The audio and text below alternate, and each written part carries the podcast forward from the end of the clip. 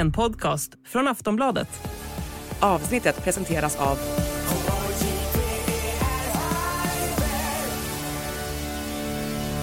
Stödlinjen.se, åldersgräns 18 år.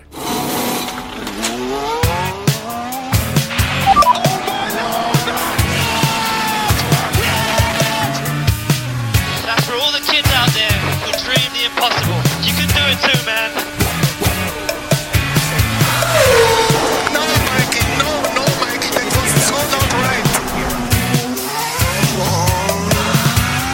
Get my claps and steering wheel. Steering wheel, claps and Plattan i steering wheel. mattan yeah. har idag celebert besök. Sveriges bästa racingförare i modern tid. Får man säga så eller? Marcus Eriksson, välkommen till eh, Plattan i mattan. Ja, tack så mycket. Ja, för mig får det säga så. Sen får väl andra bedöma om det, om det är sant eller inte, tänkte jag säga. Men eh, jag tycker det låter bra. Det tycker jag också. Anna Andersson, vad, vad säger du som har koll på, på siffrorna och eh, poängen? Men säg så här, fem år i Formel 1, mästare i Indy 500. Då kan man väl inte säga så mycket annat än Sveriges bästa racerförare i modern tid. Det är ju ingen som ens är i närheten av det CVt. Skönt att veta att jag inte är ute och totalcyklar. Nej, den här gången var det inte det. Eh, du, eh, Marcus, du är i Sverige just nu när vi spelar in det här. Vi är mitt emellan eh, säsongerna. Yes, yes, det stämmer bra. Jag ehm, har lite lågsäsong. Eh, jag ska inte säga tyvärr, för det är verkligen inte tyvärr, men lågsäsongen i år har blivit inte så mycket lågsäsong, utan det har varit fullt upp med en, en väldig massa eh, olika grejer, både media och sponsorgrejer och, och, och sånt. Då. Så det har varit väldigt hektiskt, men eh, av en kul anledning. Det är ju den här Indy 500-segern har gjort att det har blivit eh, mycket på schemat så att säga. Men eh, försöker hinna hem lite här på, på vinterhalvåret till, till Sverige och eh, träffa familj och vänner och så vidare. Men eh, det har varit så sagt eh, ett hektiskt schema så här långt. Ja, fan, det, jag, vill, jag vill börja där nästan. Så här, konkret, hur har det ändrats sen du vann Indy 500 i slutet av maj 2022? Har det, har, det, har det liksom blivit så att det är mer folk som hör av sig till dig? Har det blivit att du får, eh, eh, ja, får, får annan typ av eh, medierespons i hela världen eller har det märkts störst skillnad i Sverige? Eh, men det var rätt så intressant för att eh, det som är lite speciellt med Indy 500 är att det här racet ligger ju mitt i säsongen. Eh, inte i slutet av säsongen som det kanske borde göra. Eh, utan efter jag vann Indy 500 så var det direkt, eh, redan nästa helg var det ju race och sen var det ju liksom full säsong för några månader till då. Så så sätt så blev det ju aldrig att man hann eh, landa så mycket i den här segern. Man hann inte göra eh, media, så mycket media i Sverige eller internationellt utan det var liksom full fokus på säsongen. Sen istället då efter säsongsslut då i mitten på september så har det blivit att nu har man börjat ta i allting både i USA och gjort olika grejer där men framförallt i Sverige och nu kommer jag tillbaka till Sverige och gjort eh, vi hade ju med eh, Indy 500-trofén här och gjorde en mediaturné i Sverige och den fick ju extremt stort eh, eh, vad ska man säga, liksom att den, den exponering, exponering heter det väl. Eh, och, eh, och det gör ju att det som har hänt är att, att vi har ju nått ut till en publik, eller jag har nått ut till typ, en publik som jag aldrig annars kanske når ut till. Utan jag har den här motorsportklicken som följer mig och läser och supportar och allt vad det är. Men det som har hänt nu sista månaderna är att jag har nått ut till en helt ny publik har varit med på alla möjliga tv-program och allt vad det kan vara. Och det märker man ju av i, när man är i Sverige nu.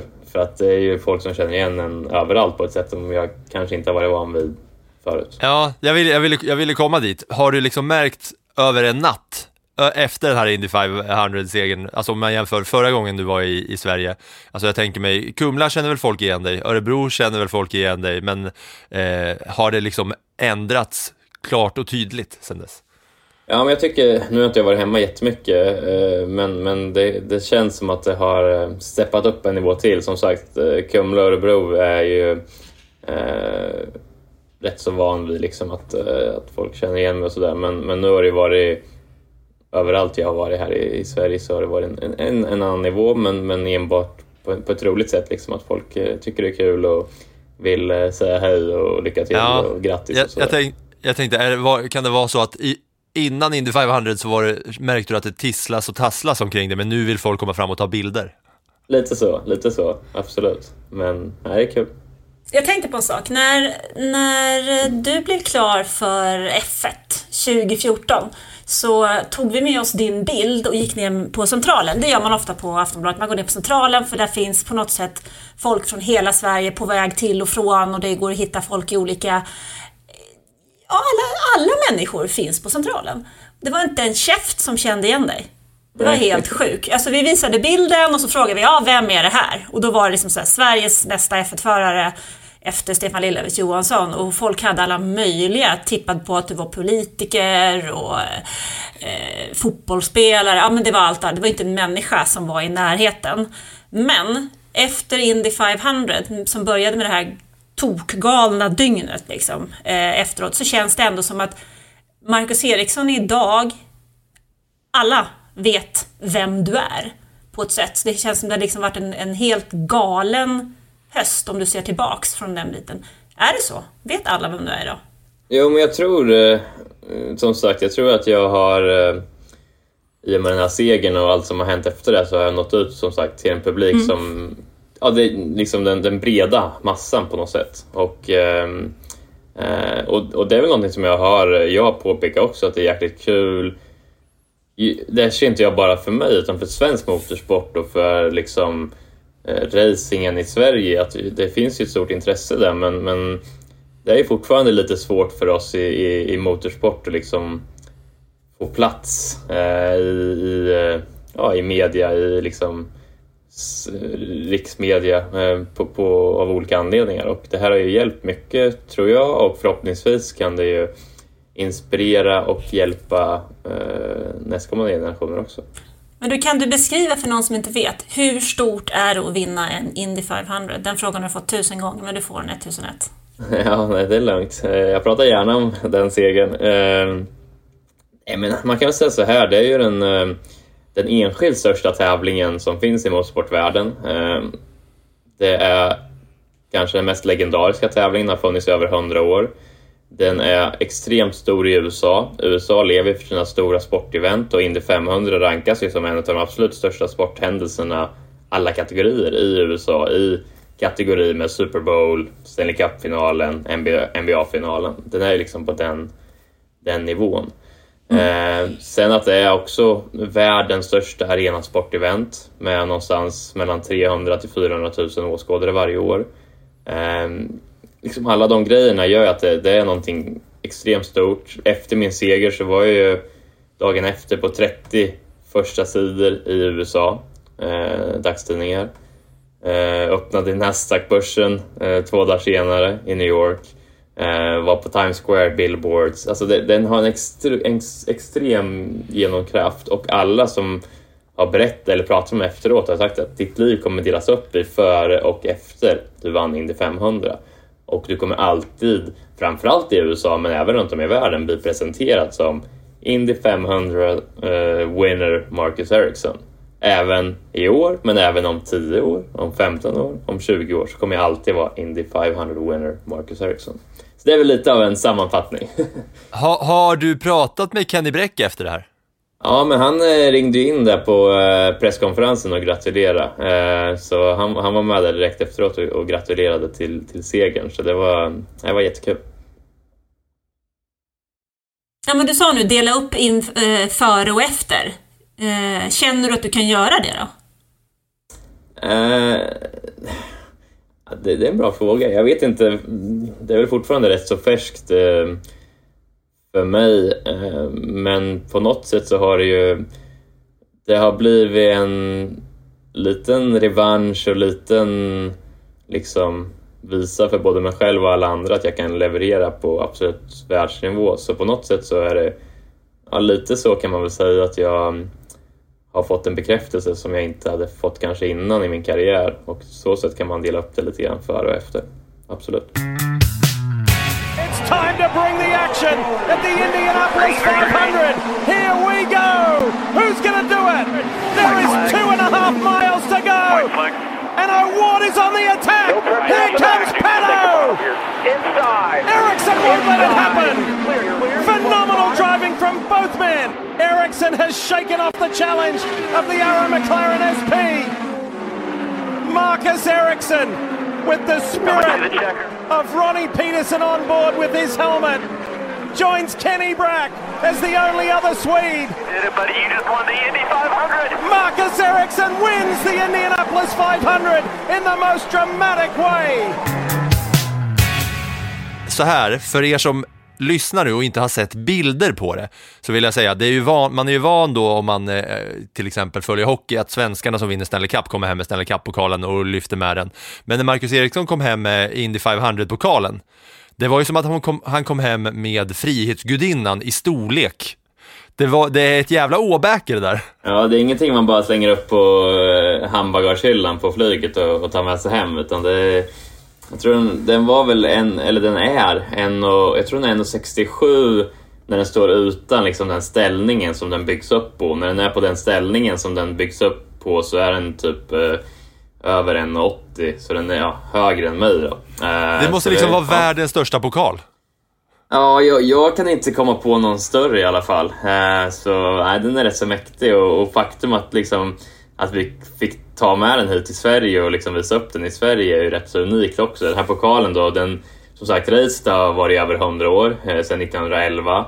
Men den här pokalen byggdes 1935 och är ju liksom det är the one and only. Det finns bara ett exemplar. Den är otroligt eh, antik liksom. Så det var ju ett jäkla säkerhetspådrag runt den och två gubbar som var med den hela tiden eh, dygnet runt och såg till att den, eh, ingen fick röra den förutom de två och jag då, som hade vunnit. Så det var ja, väldigt mycket runt omkring den där pokalen som man kanske inte hade tänkt på innan. Men Du, jag tänker på två saker. För det första, ett, hur åkte den hit? Och för det andra, jädra tur att det inte var Yuki Tsunoda som vann, för han hade knappt synts bredvid pokalen. Ja, good point faktiskt. Eh, nej, men jag tror att det, det var väl någon specialtransport på något sätt. Eh, jag tror inte som sagt, den, den gick inte, inte riktigt att checka in på flygplatsen utan det var väl något specialarrangemang. Den kom ju i tre stora liksom, lådor, alltså jättestora lådor. Eh, så jag vet inte hur de riktigt eh, transporterade den.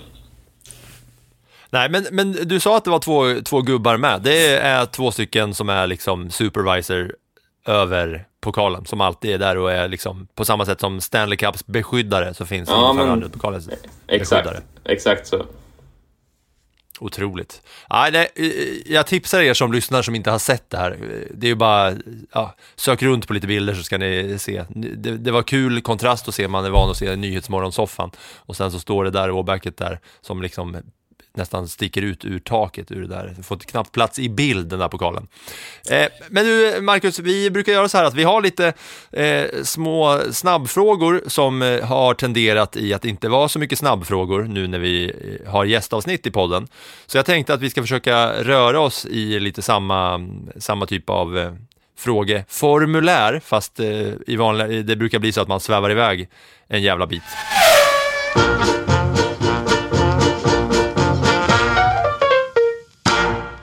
Så jag tänkte att vi börjar med fullständigt namn. Marcus Torbjörn Eriksson. Torbjörn, känns, fan, känns väntat ändå. Ja, men eh, det är faktiskt min farfars eh, eh, namn. Eh, och han, eh, han dog året innan jag föddes, så då fick jag ärva det i mellannamn. Så det är fint. Tycker jag. I familjen tidigare med racing, finns det, finns det racing upp i Eriksson-släktet eller? Noll och ingenting, faktiskt. Är inte din farsa Wow. målare typ? Pappa är målare, exakt. Och mamma har jobbat på bank och lite alla möjliga grejer. Och eh, sen över det i släkten finns inte heller någon, någon slags koppling till motorsport överhuvudtaget egentligen. Hur fan började det då? Det var ju med, med hy, hyr-gokart som var steget in för mig eh, av, en, av en slump kan man säga. Alltså det är ju... Eh, det, det är lite unikt för att det är ju många som, som, som du säger där, många är ju att det är familjen. Det är ju inte den här vanliga sporten som eh, man, man skjutsar kidsen till, till gokartbanan liksom, utan det är ju fotboll och hockey och innebandy och handboll eller vad, ja, vad det brukar vara i Sverige. Motorsport är ju någonting lite annorlunda. Så Eh, nej, jag, lite av en slump, men eh, hade ju turen att min, min pappa hade ändå ett intresse för att liksom hålla på med gokart när jag var liten och köpa gokart och mecka med den och så vidare. Apropå gokart bara, en sak som jag har funderat på. När man är en eh, världsklass racingförare som du, spöar man alla på gokart då?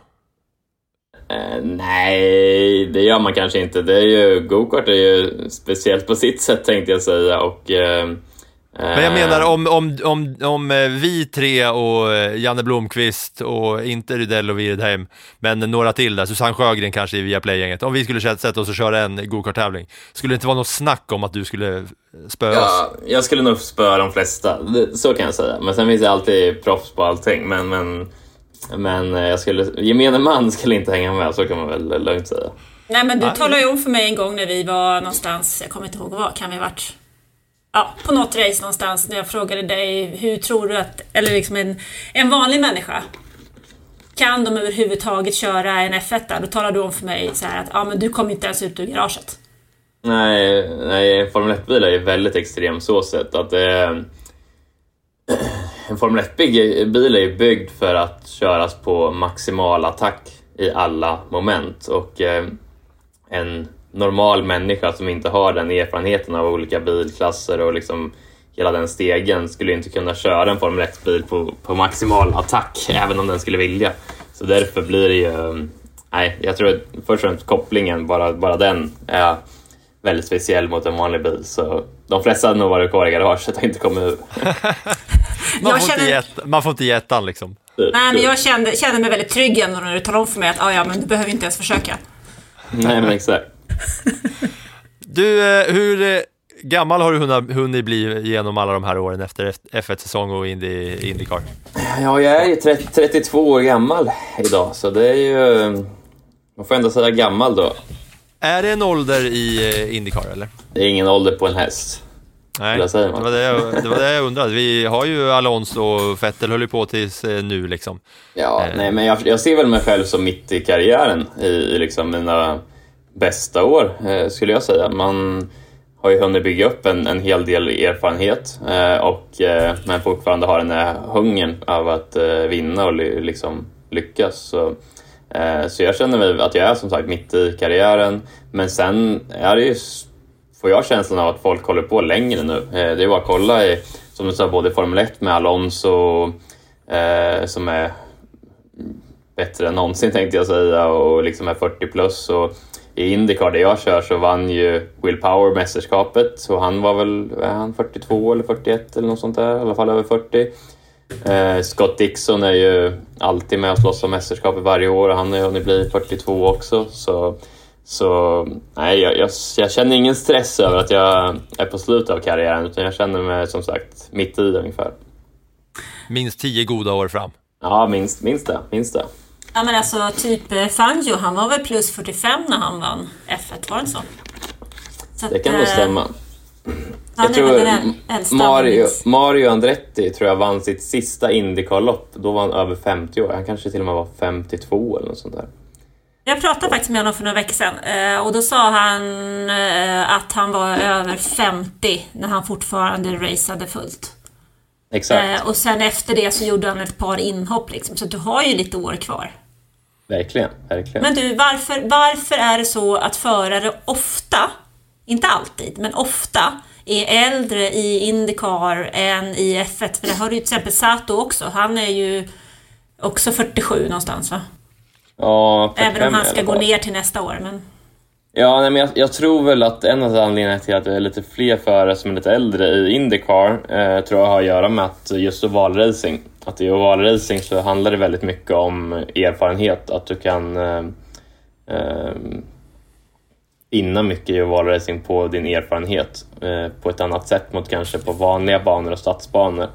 Så därför tror jag att det finns en eh, eh, ja, lite mer förare som är lite äldre som fortfarande kör och fortfarande är väldigt bra, framförallt på ovalbanorna.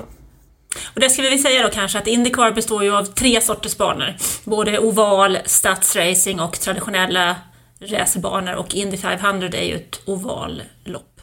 Exakt, exakt. Och de, de här tre disciplinerna kräver ju alla rätt så annorlunda körstil och körteknik. Och det är ju där, just på de traditionella banorna och stadsbanorna så är det ju väldigt likt Formel 1 och eh, något som jag har liksom eh, kört genom hela min karriär. Men när jag kom till USA så var det ju den stora omställningen att lära sig att köra på just de här ovalbanorna där det bara går runt, runt och man kan tycka att det ser simpelt ut men det är en, en väldigt svår teknik att lära sig och att använda de bilarna runt omkring sig som man racear med. Det kör ju i extrema hastigheter på ovalerna alltså som på den här Indy 500 så ligger man ju i racet någonstans runt 350-360 km i timmen konstant i tre timmar.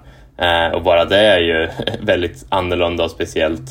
Eh, och sen just hur man ställer in bilen på de här ovalerna. När det går i sådana extrema hastigheter så är ju varje liten inställningsändring kan göra väldigt stor skillnad på hur bilen beter sig. Eh, så det, ja, det har varit rätt så mycket att lära där och där har jag kommit in i det och lärt mig det väldigt, väldigt snabbt. Att vinna Indy 500 redan på mitt fjärde försök är ju väldigt eh, ovanligt. Att det, ja, många behöver fler år än det för att liksom lära sig eh, den här tekniken på, på just ovalerna. Vi snackade ju med, vi snackade med Felix Rosenqvist eh, tidigare i år och han berättade ganska detaljerat för oss hur jävla skev bilen är när man ställer in den inför just, eh, alltså att jämförelse med ett eh, vanligt lopp och ett ovalrace, hur, hur mycket det skiljer sig på inställningen och att ratten är sned och att bilen lutar och att eh, skulle man köra den rakt så funkar det liksom inte.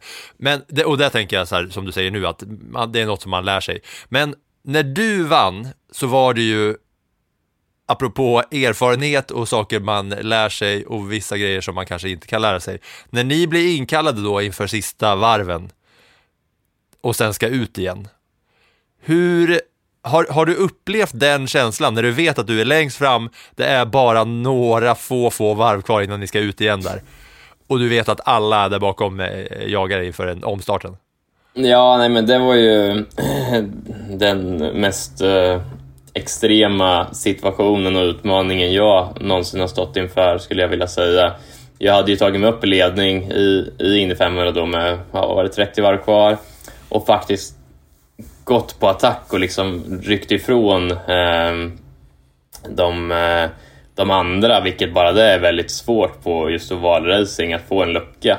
Och jag hade ju byggt upp en lucka som var över tre sekunder eh, stor och eh, tre, över tre sekunder är extremt mycket och egentligen bara räknade ner varven där. 15, 14. Ja, det var ju klart. Det var exakt. Det, det man var, såg det. Det var klart och egentligen det enda som kunde stoppa mig då var ju om någonting hände. Och såklart med fem varv kvar så är det någonting som händer, det blir en krasch, det blir inte bara säkerhetsbil utan det blir rödflagg. Så racet avbryts och jag får veta då att det ska återupptas med två varv kvar och eh, sitta då i tio minuter med avstängd bil och bara vänta på de här sista två varven och veta att jag är två varv ifrån att vinna världens största motortävling. Eh, den utmaningen att mentalt liksom vara kvar i min bubbla och inte låta alla tankar som vill in i ens skalle liksom få komma in. Eh, det var absolut den största utmaningen som jag har haft i min, i min karriär. Märkte man av det rent fysiskt? Alltså, jag försöker liksom på något sätt, jag kommer ju aldrig någonsin komma i närheten av något sånt läge, men jag tänker så här, hinner man tänka på, åh oh, jävla vilken puls det är nu, eller hjärtat slår så jävla hårt, satan, nu tänker jag på vad det skulle kunna innebära rent, eh, rent fysiskt, Va, vad händer med, med, med kropp? Ja, men det är ju som du säger, alltså, pulsen är ju hög och, och det är ju som sagt många tankar som försöker komma in i huvudet på grund av att man vet hur nära man är någonting så extremt stort och någonting man har jobbat för i hela sitt liv egentligen. Eh, och eh, det var ju väldigt viktigt då att försöka som sagt bara fokusera på det jag skulle göra. Jag försökte visualisera de här sista två varven, försökte tänka på hur jag ska utföra dem och behålla lugnet, behålla liksom fokus, eh, försöka inte täcka liksom tänka på allt som händer runt omkring. Eh, utmaningen där är ju att, eh, eh, att när man gör vad det än kan vara, när du är mitt uppe i någonting så går ju mycket på automatik. När du är ute och kör ett race och du liksom ligger och kör så är ju mycket på automatik. Du är inne i det, du har adrenalin som pumpar. Eh, det svåra med den här situationen var att man fick sitta och vänta bara och inte göra någonting. Det är då det är lätt att det kommer in de här tankarna i huvudet och eh, det var ju det som var utmaningen. Men eh, jag lyckades hålla borta de där tankarna, vara kvar i bubblan och utföra den här avslutningen på ett perfekt sätt. Eh, och det var ju tillräckligt med minsta möjliga marginal. Ja, det är fan otroligt det där alltså. Jag kommer att tänka på två saker här. Eh, Ett, när du pratade om att det hade blivit eh, större i Sverige, så för det första så har du ju säkrat en plats i Mästarnas Mästare när du sen lägger ner karriären. Och då tänker jag på ett Mästarnas Mästare av, avsnitt när Erika Johansson, när ett, det handlar om att komma upp i maxpuls och sen ska man sitta på en stol och komma ner i vilopuls. Det var liksom eh, utmaningen. Det klarar inte hon av i, i Mästarnas Mästare. Bara sitta på en stol och få ner pulsen. Och det var liksom, det var det som var själva utmaningen. Det är ett sånt klassiskt Mästarnas Mästare ögonblick. Och det kan jag tänka mig eh, här, att det är gånger 300 miljoner i, eh, Ja, typ. i typ. utmaning Verkligen. att få ner det. Jag vill gå till eh, nästa fråga här som är eh, eh, födelseort, uppväxtort och eh, nuvarande boendeort. Eh, ja, men jag tror jag är född i Örebro, Örebro lasarett typ. Eh, men jag är ju jag är ju uppvuxen i Kumla eh, som är ju ja, en kvart från Örebro. Eh, och har- bodde ju där egentligen till jag var 18 typ, när jag flyttade till Japan. Eh, men eh, min nuvarande ort är ju, är ju Indianapolis. Jag har ju varit baserad där nu de sista fyra åren, så det är ju där som är liksom hemma för mig eh, idag. Vad är det för typ av stad då? Indianapolis är väl en klassisk sån Midwest eh, eh, amerikansk stad. Ehm, den är rätt så stor. Jag tror det är en och en halv miljoner invånare i själva staden, men stadens yta är rätt så stor. Själva downtown Indianapolis är rätt så litet och jag bor i något som heter Carmel som ligger på norra sidan en dryg halvtimme från liksom, centrum. Ehm, så den, liksom, staden är uppbyggd med att det finns väldigt mycket förorter kan man säga runt, runt omkring själva stadskärnan. Då. Så jag bor i en av de eh, förorterna som, ja, som jag har varit nu i tre år. Första året bodde jag downtown och sen nu sista tre åren har jag bott i, i Carmel. Då. Och där har det ändrats när du går på gatan? Ja, när i folk Indi- känner igen dig? Indianapolis är det absolut folk som, som känner igen en och sådär. Det är ju en, verkligen en motor, alltså det är Amerikas motorstad på något sätt. Så där är det ju absolut folk som, som har koll. Det är vad Mantorp en gång var i Sverige. Ja, kanske. Jag vet inte. Eller Anderstorp. Ja, kommer aldrig i närheten.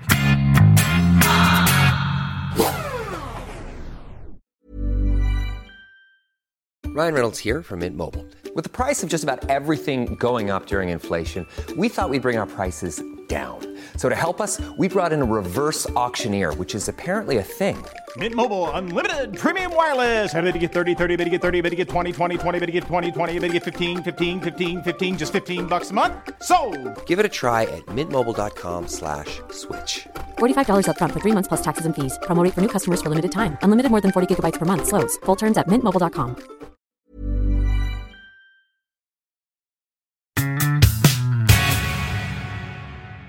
Snabbaste hastighet du någonsin kört i bil, på banan och privat? Eh, Ja, men på träningarna där inför Indy 500 på Fast Friday, där på träningen så var jag uppe i 394 km i timmen. Så det, det slog nog rekordet för min del. När man är van då att köra så mycket snabbt som du, blir det kickar fortfarande? Ja, men där får man absolut kickar. Framförallt på Indy 500 där så är det ju extrema hastigheter, så det, det, det blir bra adrenalinpump då, verkligen. 390. Jag undrar om eh, Lillövis har rekordet eh, av våra gäster hittills. Han var, jag tror att han har nämnt att han har varit uppe i 400, över 400 på banan. Ja, men vet, de här gamla gubbarna, de, de hittar ju på, du vet, det, där var säkert 350, sen varje år så har det där gått upp några kilometer, gått upp några kilometer, och nu är det så här, ja, det var nog 400 någonting. jag tar det med en nypa salt. Ja, fan vad bra att höra, för det gjorde inte jag. Jag svalde det med hull och hår när han berättade, kan jag säga. Men, eh, men så kanske det är. Nej, jag vet inte. jag, vet bara med, jag vet bara med Eje, Eje och Stefan är ju bra kompisar och Eje, många av hans historier från när han körde, det... eh, Ja. Man, eh, man får tvivla på en del. Fan vad kul, då kanske vi ska sätta Lillövis under lupp när vi har med eh, någon mer gång. Exakt. Eh, bara, för, bara för våra lyssnare, Eje Elg, eh, klassisk racerförare och även kommentator innan Janne Blomqvist va? Ja, Nej, tillsammans Janne Blomqvist kom, ja, exakt. Janne Blomqvist kom väl in och, och tillsammans. De re- reste väl runt, eh, jorden runt eh, båda två. Exakt, exakt. De två. Eh, privat då? Eh, ja, men privat... Jag vet inte. Det är väl ja, 200 någonting säkert någon gång. Men, men om jag ska vara helt ärlig så är det inte... Jag är nog den tråkigaste föraren privat eh, på liksom eh, vägen, eller vad ska jag säga. Jag, jag tar mig från A till B på ett eh, lugnt sätt oftast. Så det är lite kul, för oftast när folk åker med mig typ första gången så tror de att jag ska typ köra Indy 500 på, på vägen. Och jag bara, men alltså, mitt jobb är att köra racerbil snabbt på bana, så varför ska jag ut och busköra liksom, i trafiken? Det ger mig inte någon... Det ger mig noll. Så nej, det... det Aldrig när, du var, mycket. aldrig när du var yngre, ung och dum eh, heller. Jo, men det är det jag eh, menar. liksom, men det är det jag 200 bara, det är fan ingenting. Nej, men exakt. Det, var väl det när jag var ung, och- ung och dum som man provade något sånt där. Men nej, nu för tiden så är det inte så mycket sånt. Felix Rosenqvist berättade om eh, att han hade en eh, egentrimmad BMW när han var 18 och körde 300 blås på Hallandsåsen. Ja. Det har Det- du aldrig, sånt Det, har du aldrig på med. nej, jag, jag köpte en 740 när jag var, när jag var 18. Den var lika gammal som, som mig, från 1990. Och den kom inte upp i några 300, det kan jag lo- lova. Jag var glad jag fick upp den över 100. Ja, det var faktiskt nästa fråga, vilken var din första egna bil? Men då var det den här alltså.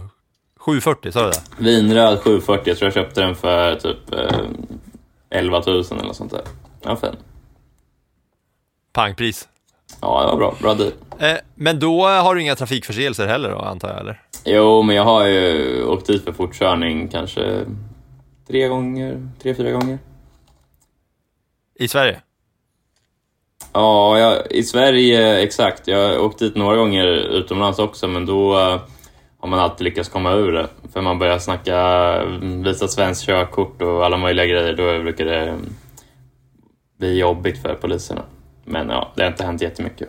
Jättemånga gånger. Jaha, men 740 var, eh, vinröd 740 var den första bilen. Hur, hur ser det ut nu i garaget då? Eh, bilar Nu- som du äger och om du har några mer minnesvärda som har stått i garaget?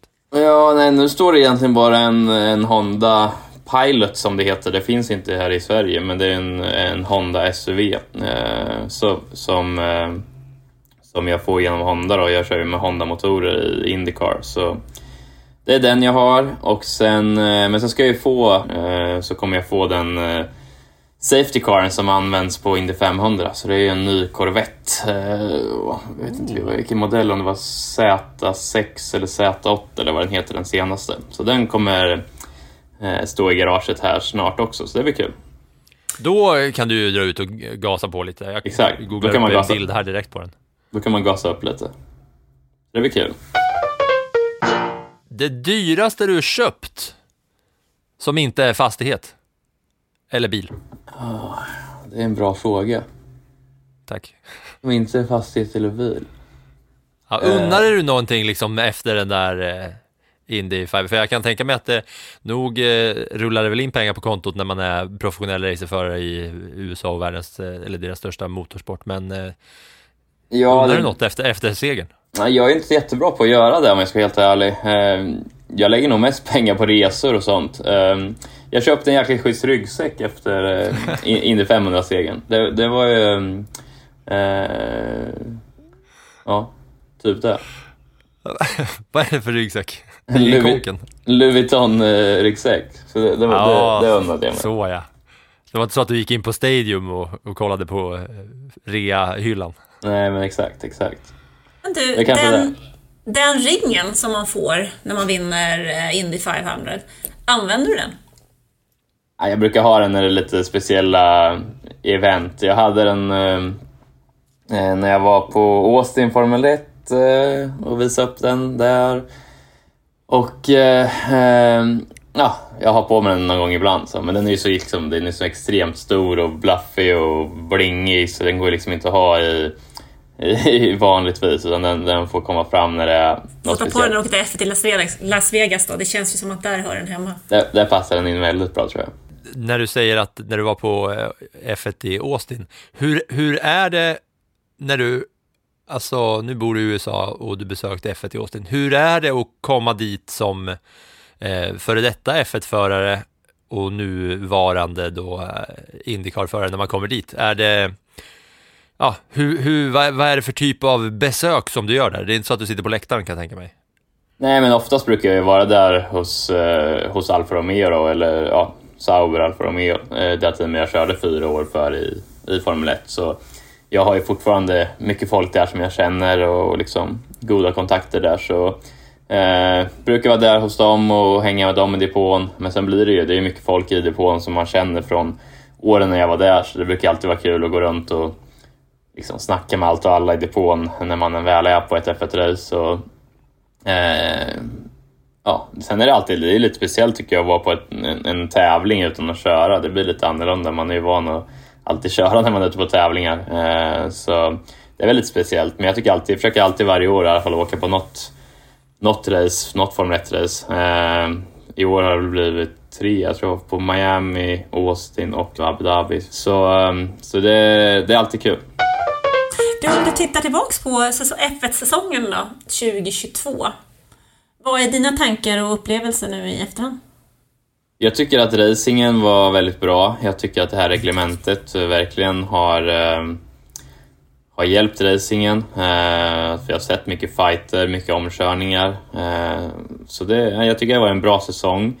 Sen har ju Verstappen och eh, Red Bull eh, varit kanske lite för bra. Det såg ju lovande ut där i början när Ferrari och Red Bull verkade rätt så jämna, men sen eh, visade det sig att Red Bull var lite för starka. Så det var kanske lite det som var det tråkiga med säsongen, att, att Verstappen var lite för bra för de andra. Det hade varit roligare att se en fight hela vägen in som det var i, i fjol. Då. Men om man kollar bort från det så var det ju många bra fighter och jag tycker det var många, väldigt många bra race. Och, eh, Eh, tycker också det var kul att det inte var något riktigt så här bottenteam utan alla team tog, tog poäng och kunde fightas olika helger och sådär. Så, eh, jag tycker överlag det var en, en väldigt bra Formel 1-säsong faktiskt. Men du som har nu viss erfarenhet av F1 och har kört själv och kört själv när det har varit, inte lika stora reglementsförändringar, men det har varit reglementsförändringar. Hur ser du då på framtiden? Kommer det, tror du, att, att bli jämnare redan nästa år eller krävs det ett par år innan teamen hittar in i reglementet så att säga? Man kan väl säga så här att det, som du säger så brukar det ju ta några år innan det liksom jämnar till sig när det är ett nytt reglemente och därför så var det ju rätt så lovande att det var så pass jämnt redan i år.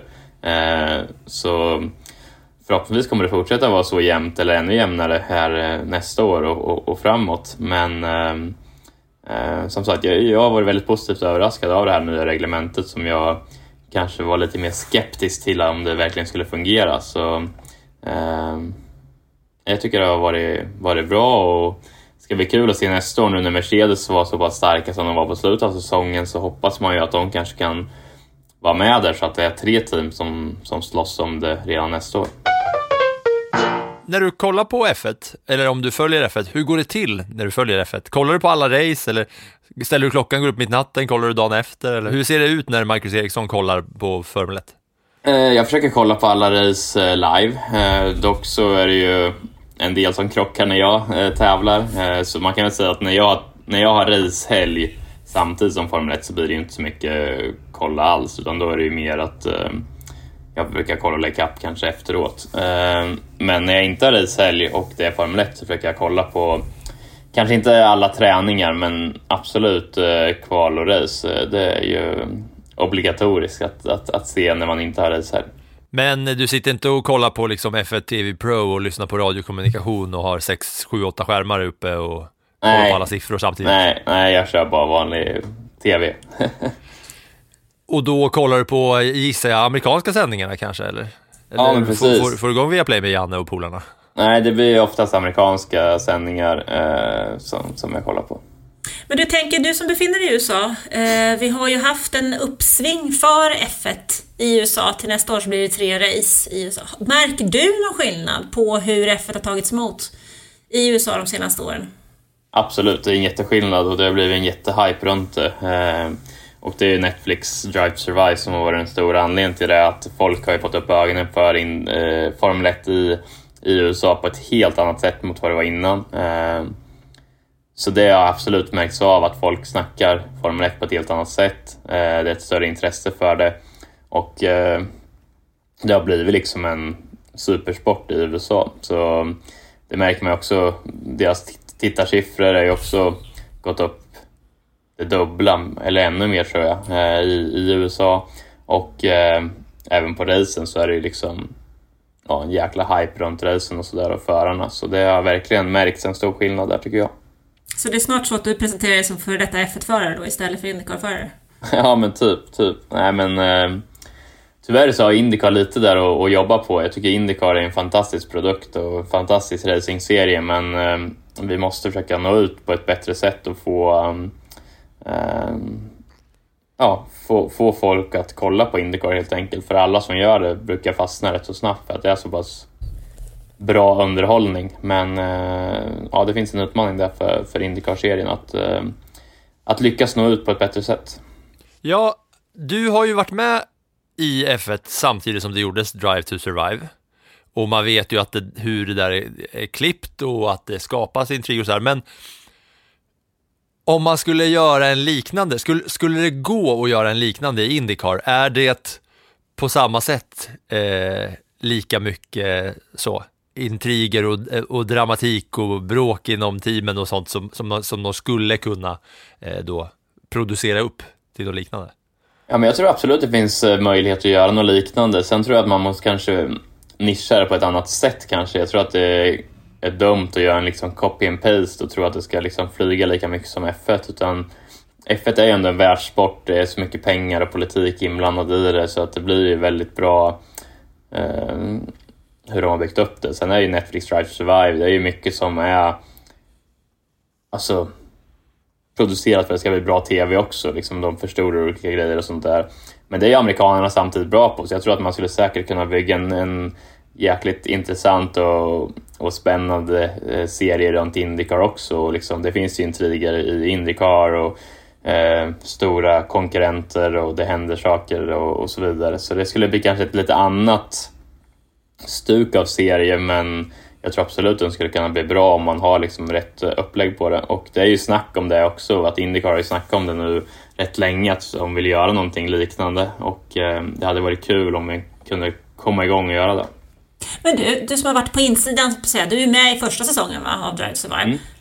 Hur mycket är sanning då? Och hur mycket är hopklippt TV för det ska bli jävligt bra?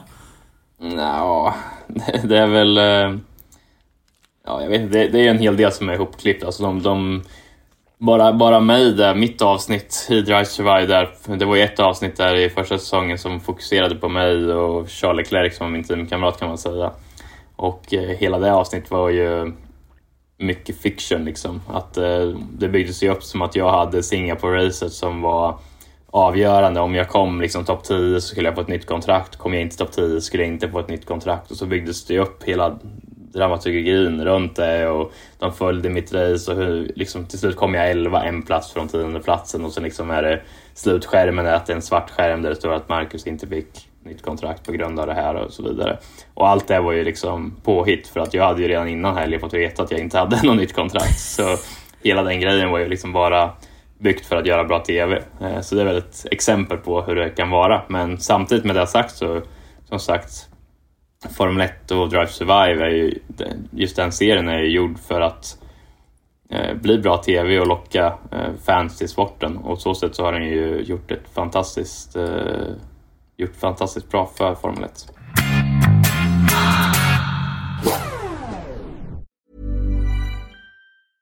Hey, I'm Ryan Reynolds. Recently, I asked Mint Mobile's legal team if big wireless companies are allowed to raise prices due to inflation. They said yes. And then when I asked if raising prices technically violates those onerous two-year contracts, they said, "What the f*** are you talking about? You insane Hollywood ass."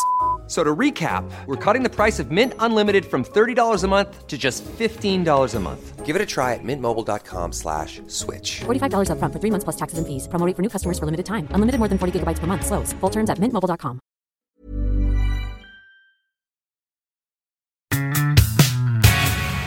Nu bor du i Indianapolis. Följer du någon annan sport än eh, motorsport? Jag vet inte vad fan har Indianapolis? De har väl Colts va?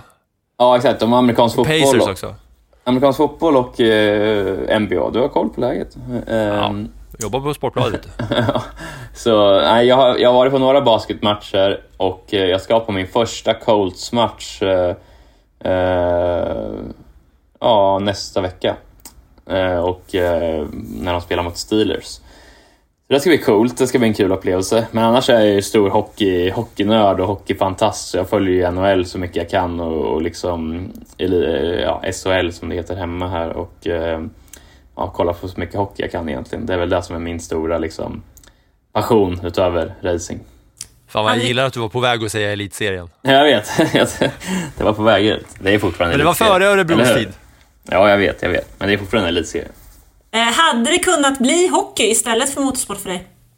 Jo, men det, så var det ju. Jag höll ju på länge med både hockey och eh, racing. Eh, till och med när jag var 16 så var det ju båda. Då var det ju vinterhalvåret var det ju hockey och sommaren var det ju racing. Men sen var det ju, ju längre upp man kom så gick ju de där två säsongerna ihop med varandra. Så till slut så blev det ju att jag var tvungen att välja. Eh, och då fick jag ju, det var ju samma med TV-pucken. Jag skulle med, tror det var sista uttagningen innan, innan TV-pucken som var jag med på sista gallringen. Och då var det någon turnering där eh, vi skulle göra och eh, då hade vi gokarttävling samma helg och jag valde gokarttävling och eh, då blev det lite vägval för mig att jag märkte att ja, men, nu kanske det är dags att välja liksom vilken karriär man ska satsa på så då, då blev det full satsning mot, mot racingen då, då. och eh, det var nog bra. Jag hade kanske kunnat bli hyfsad hockeyspelare men jag tror inte jag hade blivit lika bra på hockey som jag är på, på att köra bil.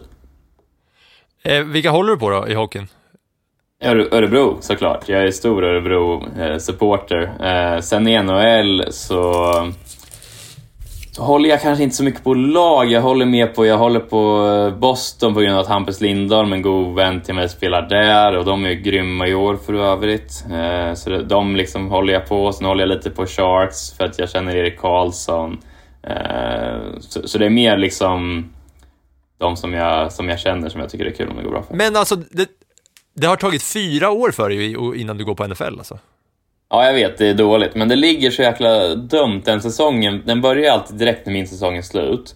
Och då brukar jag liksom, jag fly, försöka flyga hem till Sverige och i- alltså, så det, så sätt så, den börjar alltid efter Indycar-säsongen är slut. Och sen tar den typ slut innan allt drar igång igen för oss. Så det blir liksom, den ligger precis i fel glapp på året när jag inte är så mycket i USA, eller lika mycket i USA i alla fall. Eh, så det är, ja, av någon anledning så har det tagit så länge, så det är, det är dåligt, jag håller med. Jäkligt dåligt. Så det ska bli skitkul.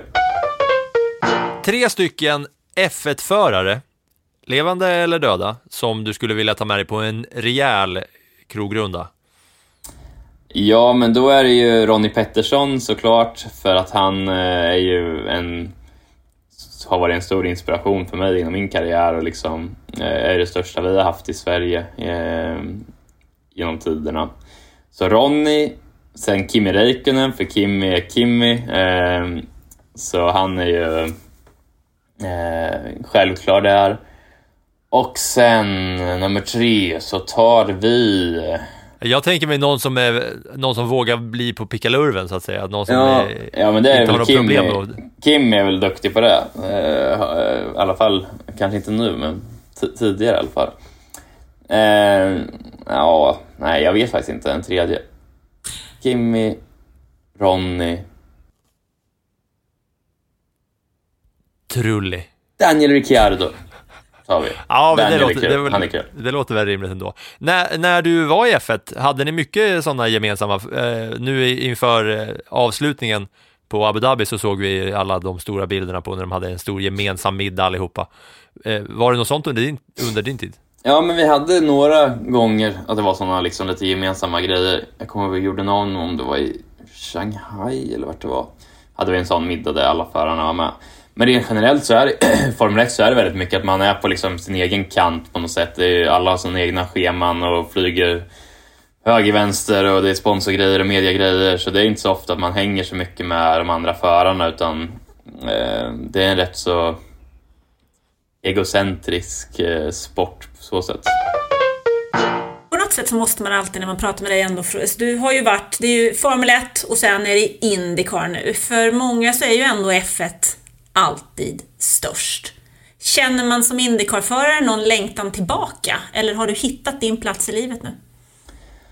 Ja, men jag har fått den frågan rätt så mycket och, och jag skulle vilja säga så här att jag, jag är väldigt nöjd med där jag är. Jag trivs extremt bra. Jag kör i ett bra team och liksom har ju verkligen cementerat mig i, i racingen i USA efter, efter segern Indy 500. Så jag söker inte aktivt någon väg tillbaka till Formel 1. Um, ehm, sen brukar jag säga att man ska aldrig säga aldrig och uh, som du säger så är ju fortfarande Formel 1 är ju kungaklassen och kommer alltid vara kungaklassen i, i racingvärlden. Så uh, ja, man ska, säga, man ska aldrig säga aldrig, men det är ingenting som jag tänker på eller som jag liksom aktivt söker en väg tillbaka.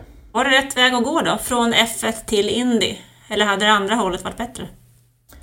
Nej, jag tycker det var rätt väg att gå. Eller det är alltid... Jag tror aldrig man kan liksom tänka tillbaka och säga att man skulle gjort det eller det, utan all, alla har sin egen väg på något sätt. Och så som min karriär har, har blivit så ångrar jag inte någonting, utan jag tycker det jag är väldigt stolt över de fem åren jag gjorde i Formel 1. Jag fick aldrig det att lossna där, men jag tycker jag gjorde många bra insatser och eh, är nöjd över det. Och sen har jag fått liksom en chans att, att visa vad jag kan nu i USA och, och tagit den chansen. Så no regrets där. Jag känner mig väldigt eh, glad över hur, hur min karriär har, har varit och vad den är idag.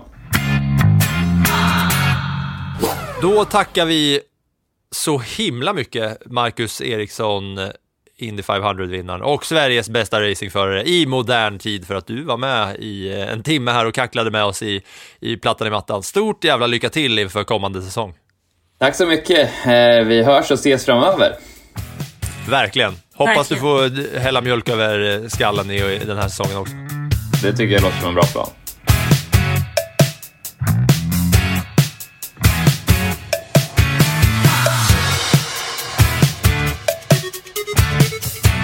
Och för den som vill höra mer av och om Marcus Eriksson så är det ju så att Marcus Eriksson har ju tillsammans med eh, Janne Blomqvist och eh, Viaplay-gänget en podcast som du hittar på Podme som heter Viaplay F1 Podcast.